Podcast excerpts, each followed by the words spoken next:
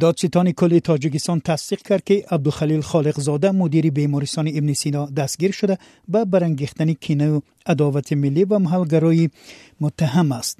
این بند قانون از 5 تا 10 سال زندان را پیش بینی می کند من میرزا نبی خالقزاد راجع به این موضوع گزارش بیشتر ایرا خواهم کرد.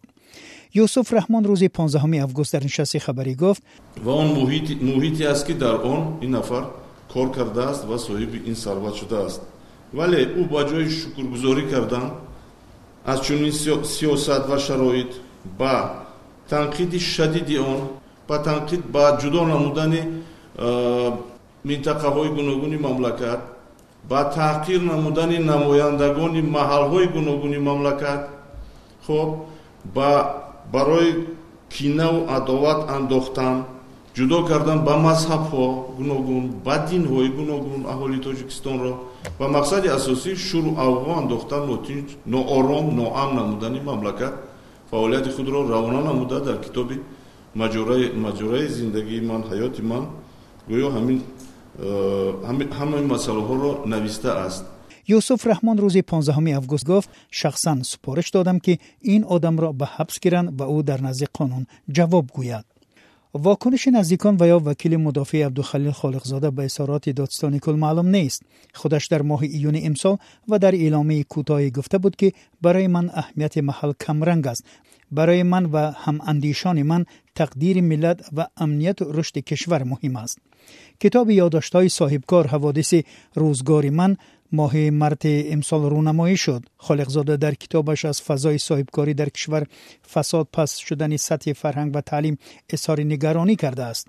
و از جمله نوشته است در سالهای بعد از استقلال ارزش‌های رایج از قابل دانش محوری و شایسته سالاری خیلی زود سکوت کردند. هر که منصب و ثروت و زوری بازداشت بزرگ دانسته می‌شد. به نوشته عبدالخلیل خالقزاده بعد از تأمین صلح در تاجیکستان سرمایه گذاران زیاد وارد کشور شدند ولی فشار امید این قشر را کم کرد. معلف از بازداشت معروف عارفوف بنیادگذار و مالک سلسله فروشگاه های آریمه. مثال آورده چنین عملها را مایه ناباوری صاحبکاران بر رعایت قانون و فضای صاحبکاری در کشور نامیده است. بعضی از های مؤلف از خصت و آداب نمایندگان محلهای گوناگون تاجیکستان باعث به بحث‌های تند کاربران های اجتماعی گشت.